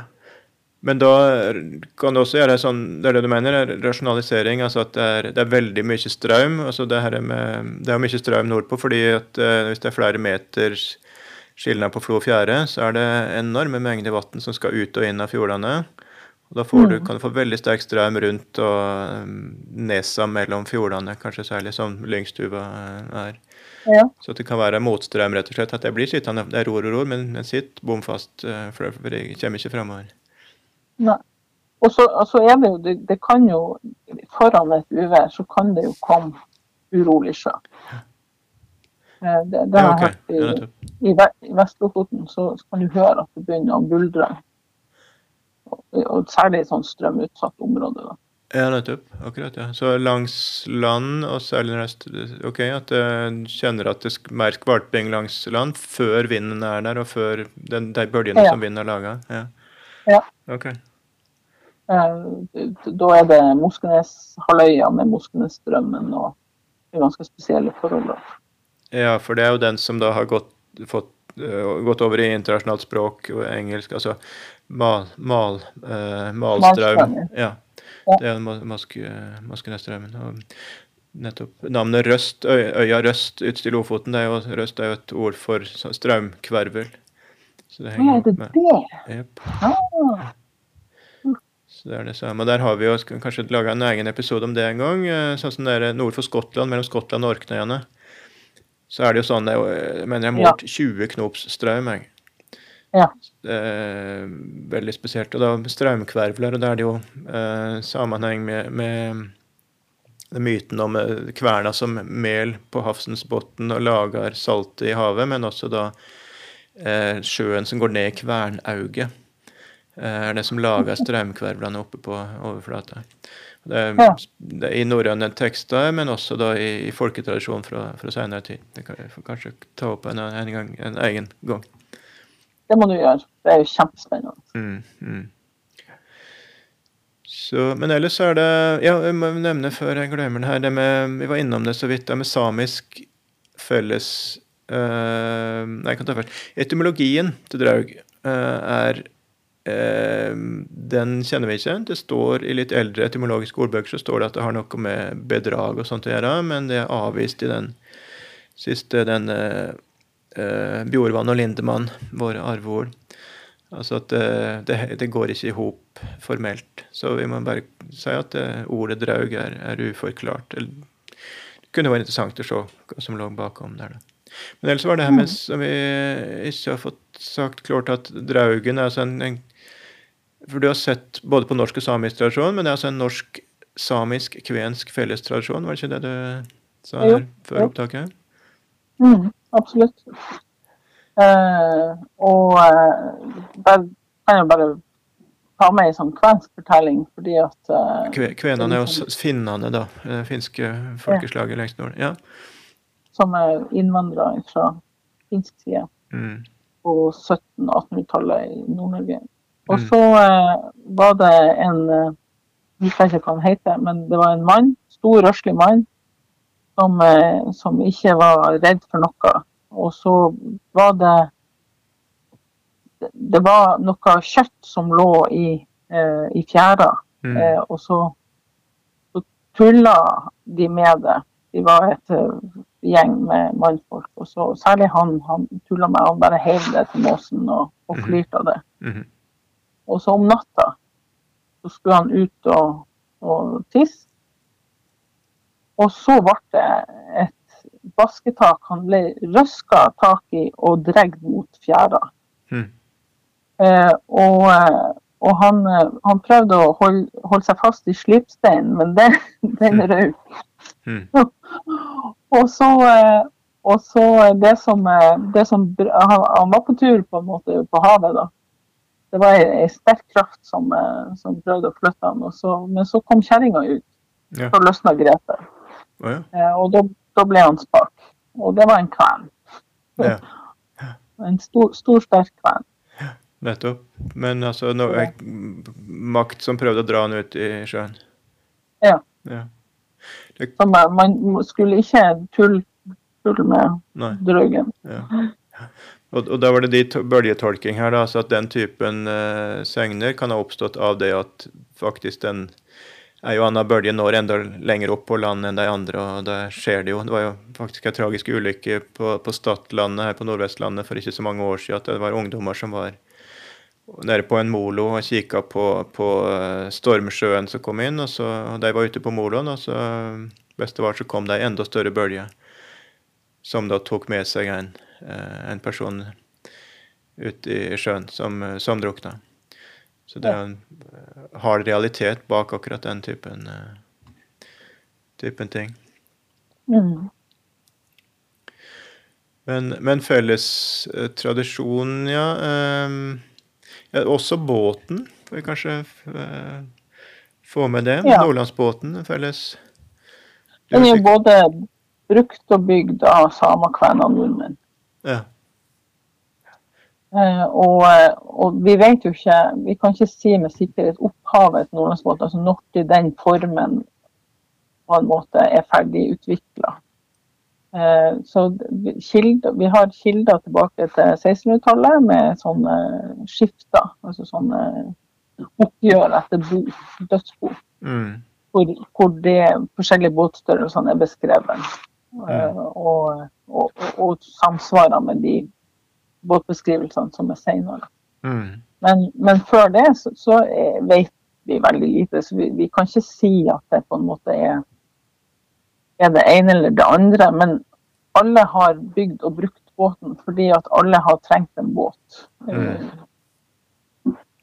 Så, så, får vi se hva forskninga bringer da, med opphav og, mm. Og, hvor viktig det nå skal være. Mm. Ja, nei, det er vel bortsett fra akkurat det er profilen av Nordlandsbåten, det er veldig bratte framstammer. Det er da sånn som her eh, i Hordaland, her som jeg bor, så er det jo båter som likner mye, men da er det veldig sånne utfallende, altså framstikkende stammer i ja, begge ender. Ja.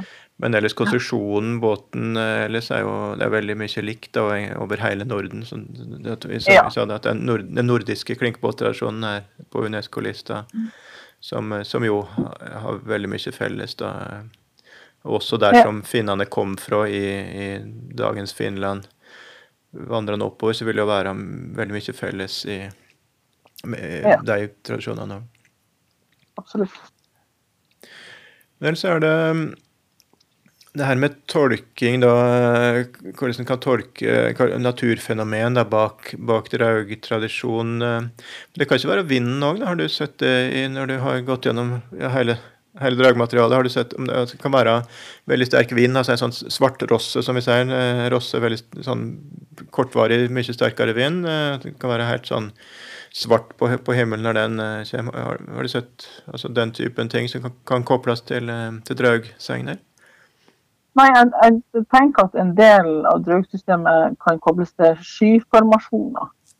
Eh, altså amboltskyer og de her eh, veldig sånn dramatiske opptrekkene. Og som kanskje også kan være forløpere for, uh, for polare lavtrykk. Men akkurat sånn konkret kobling til vind har jeg ikke sett. Nei, for det er mer et varsel at du, når en ser uh, ja, Hva mener du, hvordan kan det kobles da? Nei, altså det, det, det er noen som ser en, en eller annen skapning i skysystemet. Jaha, ja.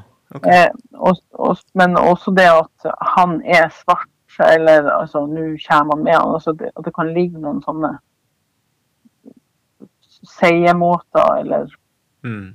Jeg har alltid lurt på hvem han var. han, ja. ja. ja vi sier nå det. Jeg ser det. Det, det bles. det. Så, han, han, er sterk i dag. Ja. Mm. Eh, men, Men du, du, har jobba mye med din Ja, det er jo Ja, for så vidt. Uh, også i doktorgradsarbeidet mitt om GAN så var, det, var jeg jo en del innom altså det her er felles så mye på fellestradisjonen, norsk, samisk uh, og for så vidt finsk, ikke kvensk spesifikt, men, men, men da er det en same... Altså Gand tradisjonelt er jo en utsendt uh, Vi har jo snakka mange ganger i den podkasten altså med påfallende vind er sjela til en trolldomskunnig eller en person med spesielle evner, en rituell spesialist, eller hjelpeåndene til denne personen. Uh, påfallende vind er sånne ånder da, i, i, ham. Som, og vinden er jo fysisk, altså kan jo flytte svære skip og, alt det her. Så, så vinden er ikke noe abstrakt. Og da er det en del sånn at um, du har noide-segner der altså folk er ute og seiler, og så kommer det ei vindkule eller ei ork orkanbye. Og, um, og, da, og, så dukker det opp en hval attmed båten. Oi. Og da blir det kappseiling, kan være. At um, og, og det er det nok, Dette er sånn jeg ikke har sett på på lenge, men, men eh, som dukker opp i tankene nå da vi snakker om det. Så, eh, men at um, hvis du klarer å segle fra uh, det her fenomenet, så, så, berger du deg.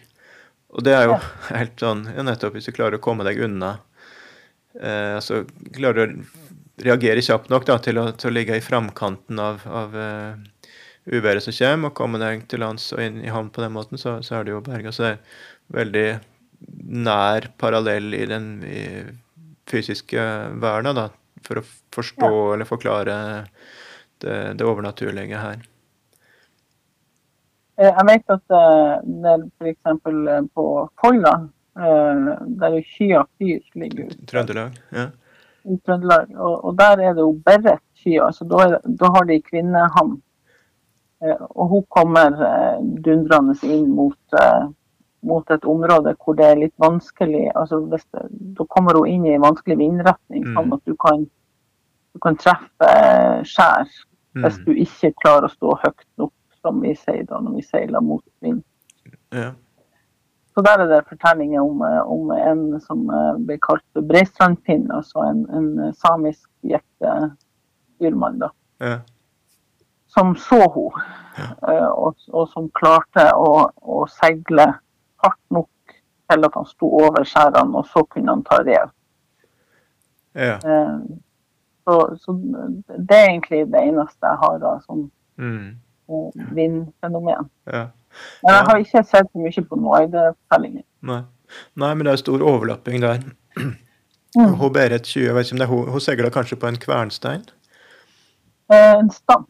En stamp er det, ja. Andre varianter. Mm. Og det komplekse der så er det en kvernstein. At trålkjerringa seiler Båten til trålkjerringa er en, en kvernstein. Som, det er jo nettopp naturstridig i, det som er poenget. da. Der ja. understreket understreker det overnaturlige.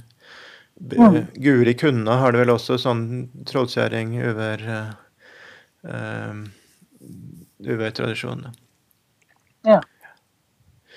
Så Ja. Er det noe du vil føye til, uh, Mariann, om, uh, om draug, draugtolking, draugtradisjon? altså, han som jeg bor i laget, seilte jo med en fembøring, Åfjordsfembøring over mot Shetland. Ja. Eh, I 2013, tror jeg kanskje det var. Mm. Eh, da var de eh, seks-syv stykker om bord. Veldig kompetente seilere. Mm. Mm. Mange. Og de, når de kom inn til sånn 50 sjømil fra Shetland. De hadde, de hadde, en skikkelig sånn kuling ut av fastlandet da. Det gikk jo bare godt.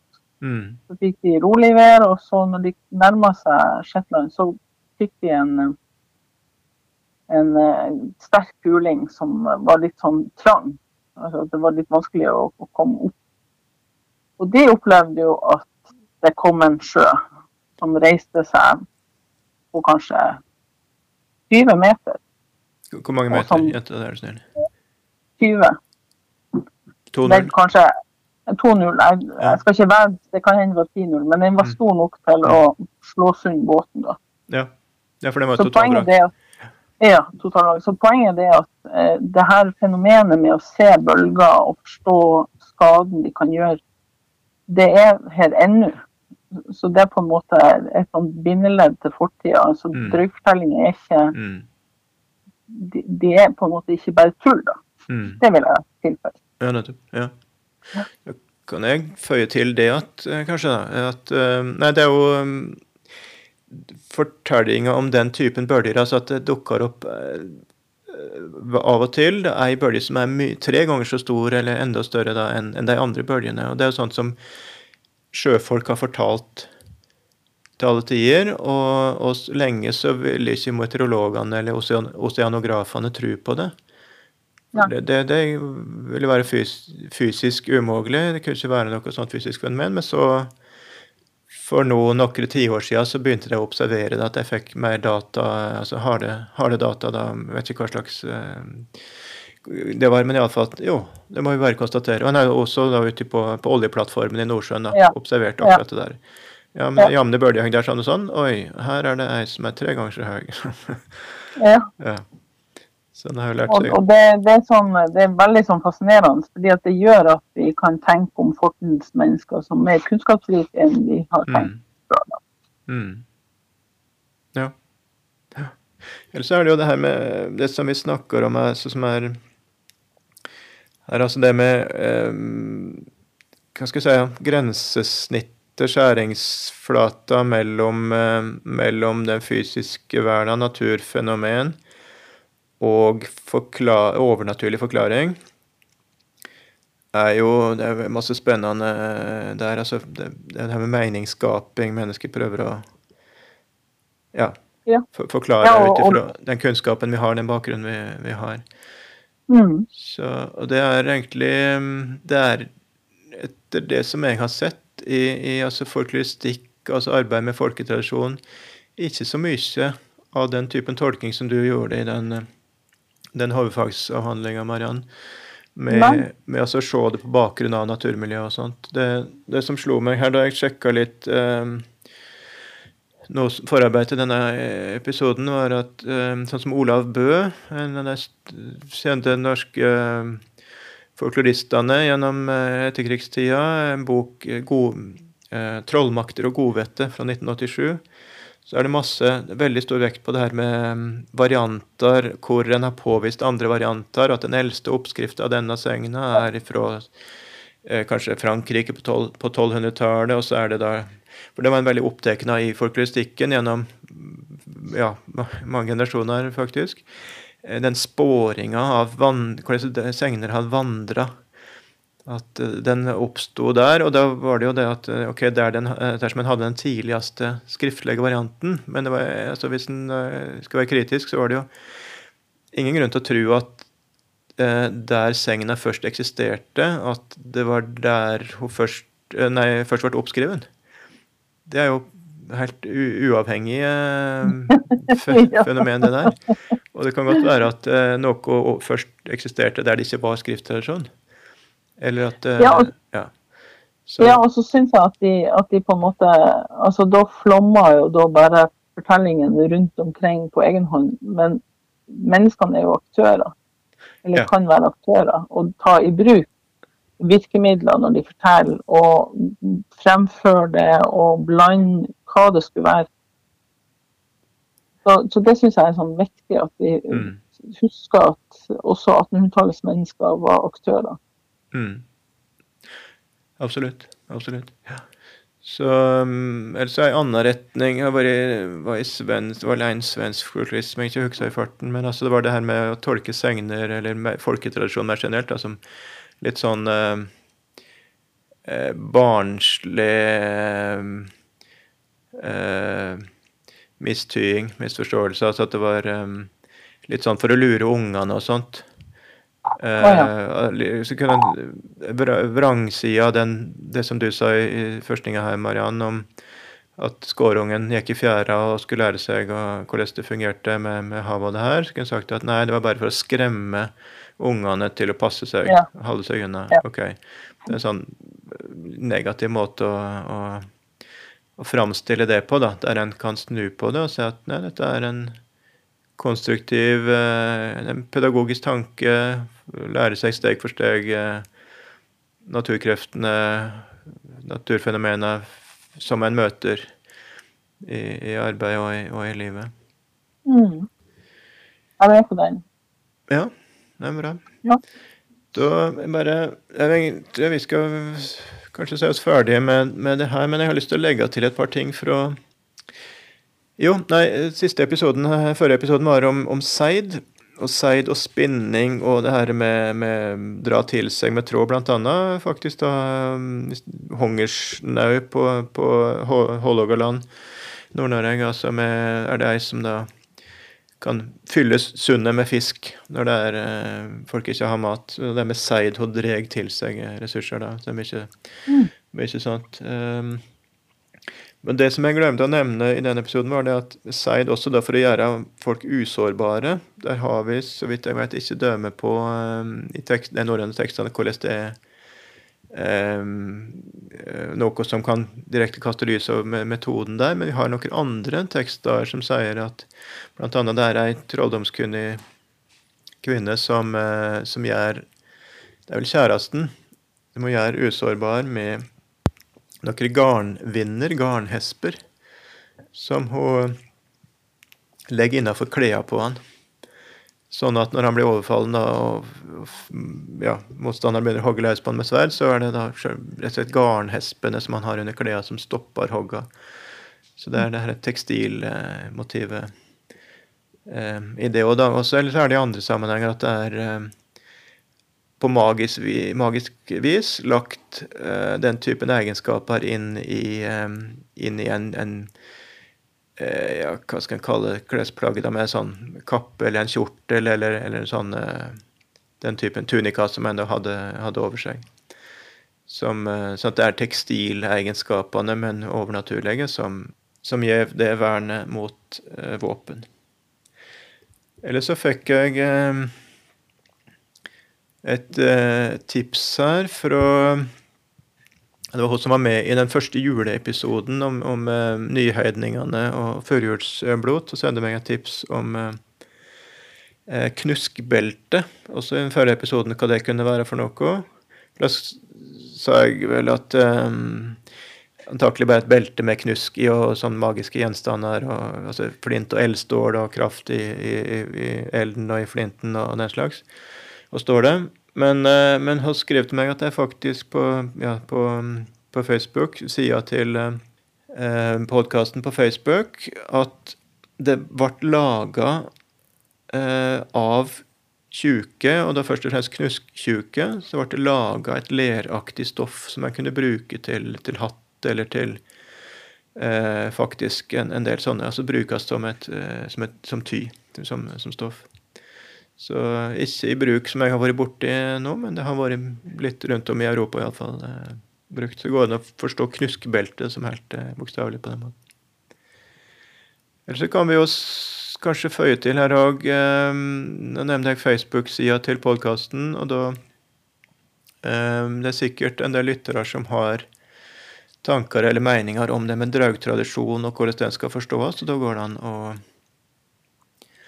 eh, kommentere det der når jeg legger ut kunngjøringa av, av, denne episoden på, på Facebook-sida, så går det an å føye til ting der som en, en synes du burde vært innom, eller som eh, vi ikke har tenkt på, eller spesielt eh, fine draugsegner, eller, eller hva det kunne være.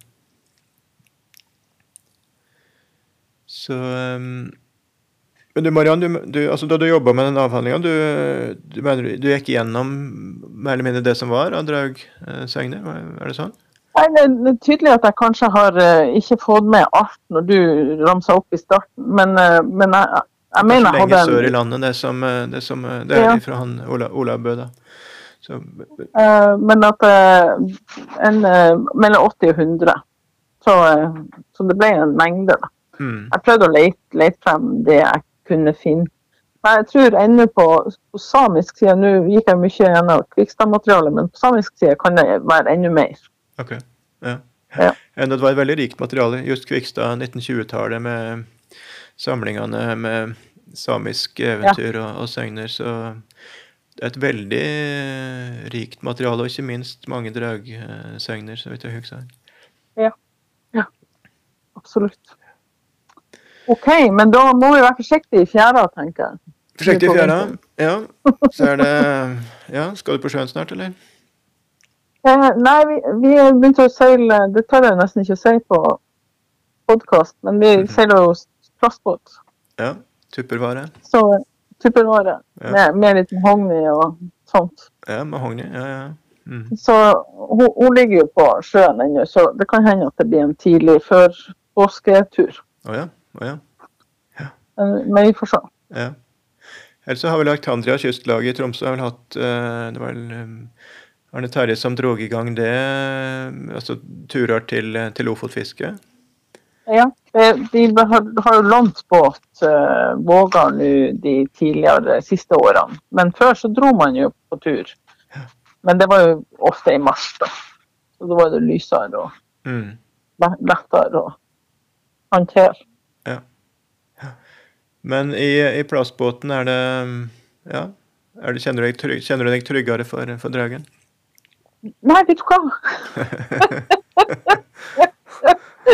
altså, jeg har jo brukt halve livet på å lære meg å seile råseilsbåt. Ja. Og, og sånn sneiseilsbåt eller sånn der bermudarigg, den, den fungerer jo helt annerledes. Mm. Mm. Så jeg tror at jeg går på grunn stadig vekk for at jeg ikke skjønner lo og le og eh, det å gå opp i vind istedenfor å falle av. Mm. Ja, ja. Nei, men uh... Så- Men altså, teoretisk sett, så, eller praktisk sett, så skal jeg være tryggere. mm, mm, Det er dekk og den er stødig. Veldig stødig båt. mm, mm. Ja da. Nei, det er jo ja, nettopp helt eh, o- overdekt og med djup kjøl med masse tungt metall nede i kjølen, så det Ja, ja, ja. Det tåler masse. klarer ikke å vippe rundt noe sånt. Nei. Nei. Nei. Men jeg vil jo heller feste meg med det at eh, ja, jeg kjenner deg mindre trygg. Det, det er den moralen vi vil ha her. Ja, veldig bra. ja. OK. Men da runder vi av der, ja. Så takk for praten, eh, Mariann. Takk for laget. Ja, forresten, du kan følge oss på eh, Facebook og Instagram. Mm. Facebook så er det podkasten Tru og mening i gammel tid. Og på Instagram så er Så det er vel det en- Ellerheide. Ja. Ja. Og der uh, legger vi ut litt andre ting. Det kan være En gløtt bak kulissene. ja, Ja. filmsnutter og tull og vas. Mm.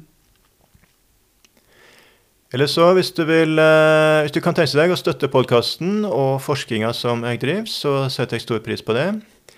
Vips i så fall valgfritt beløp til 859 645. Altså 859 645 på Vips. Vil du ha T-trøye fra favorittpodkasten din, så har vi det, med navn og logo. Gå til eldar-heide.nett klede og se utvalget. Det var eldar-heide.nett klede. Du har nå hørt en podkast fra Høgskolen på Vestlandet. For å høre flere podkaster, besøk hvl.no slash podkast.